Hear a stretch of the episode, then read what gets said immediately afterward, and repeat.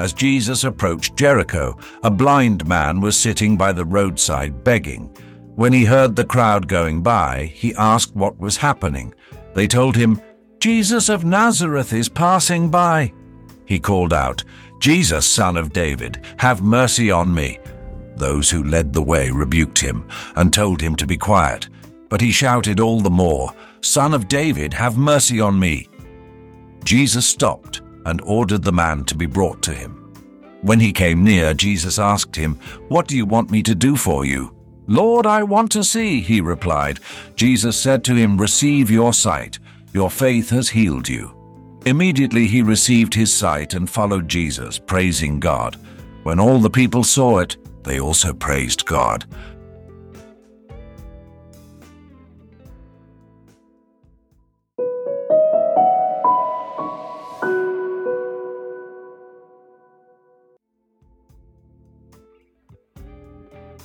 Today we travel to Jericho, but don't worry, we won't be marching around the city seven times like Joshua.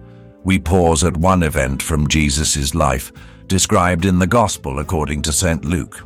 There we meet a blind beggar whose story is like an espresso on a warm sunny morning, or like a cup of the finest tea on a grey winter afternoon. This blind man in his physical world of darkness showed us what it means to have the clarity of inner vision an internal third eye, if you will.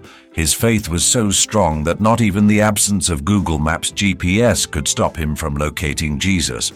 And when he hears that the Messiah is approaching, he starts calling out, Jesus, son of David, have mercy on me. People try to silence him, but he's like a telemarketer who's hard to get rid of. In this story, we see that the blind man not only had courage but audacity. His bravery in expressing his needs despite obstacles is a lesson. In our lives, we often encounter obstacles like those annoying, unsolicited pop-ups in a browser. It could be illness, personal difficulties, or spiritual numbness, making it hard for us to perceive God's presence in our lives. But this man's story reminds us that faith can be like the best antivirus, effective and reliable. It was through faith that this man was healed. And his story shows that Jesus can act in our lives too. He is ready to respond to our calling just as he responded to the call of the blind man. When Jesus hears the cry, he summons the needy one. In this way, he shows us an image of God who is more focused on us than we are on our smartphones. He asks him, What do you want me to do for you?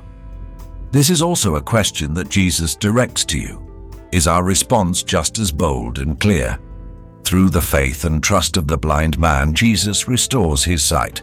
The man, having regained his sight, begins to praise God, and it was not a quiet thank you, but rather a celebration like scoring a goal in the World Cup final.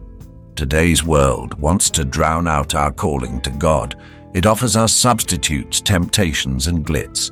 It drives a nail into our hearts, and we don't know why it hurts, why we lose strength, hearing, and sight.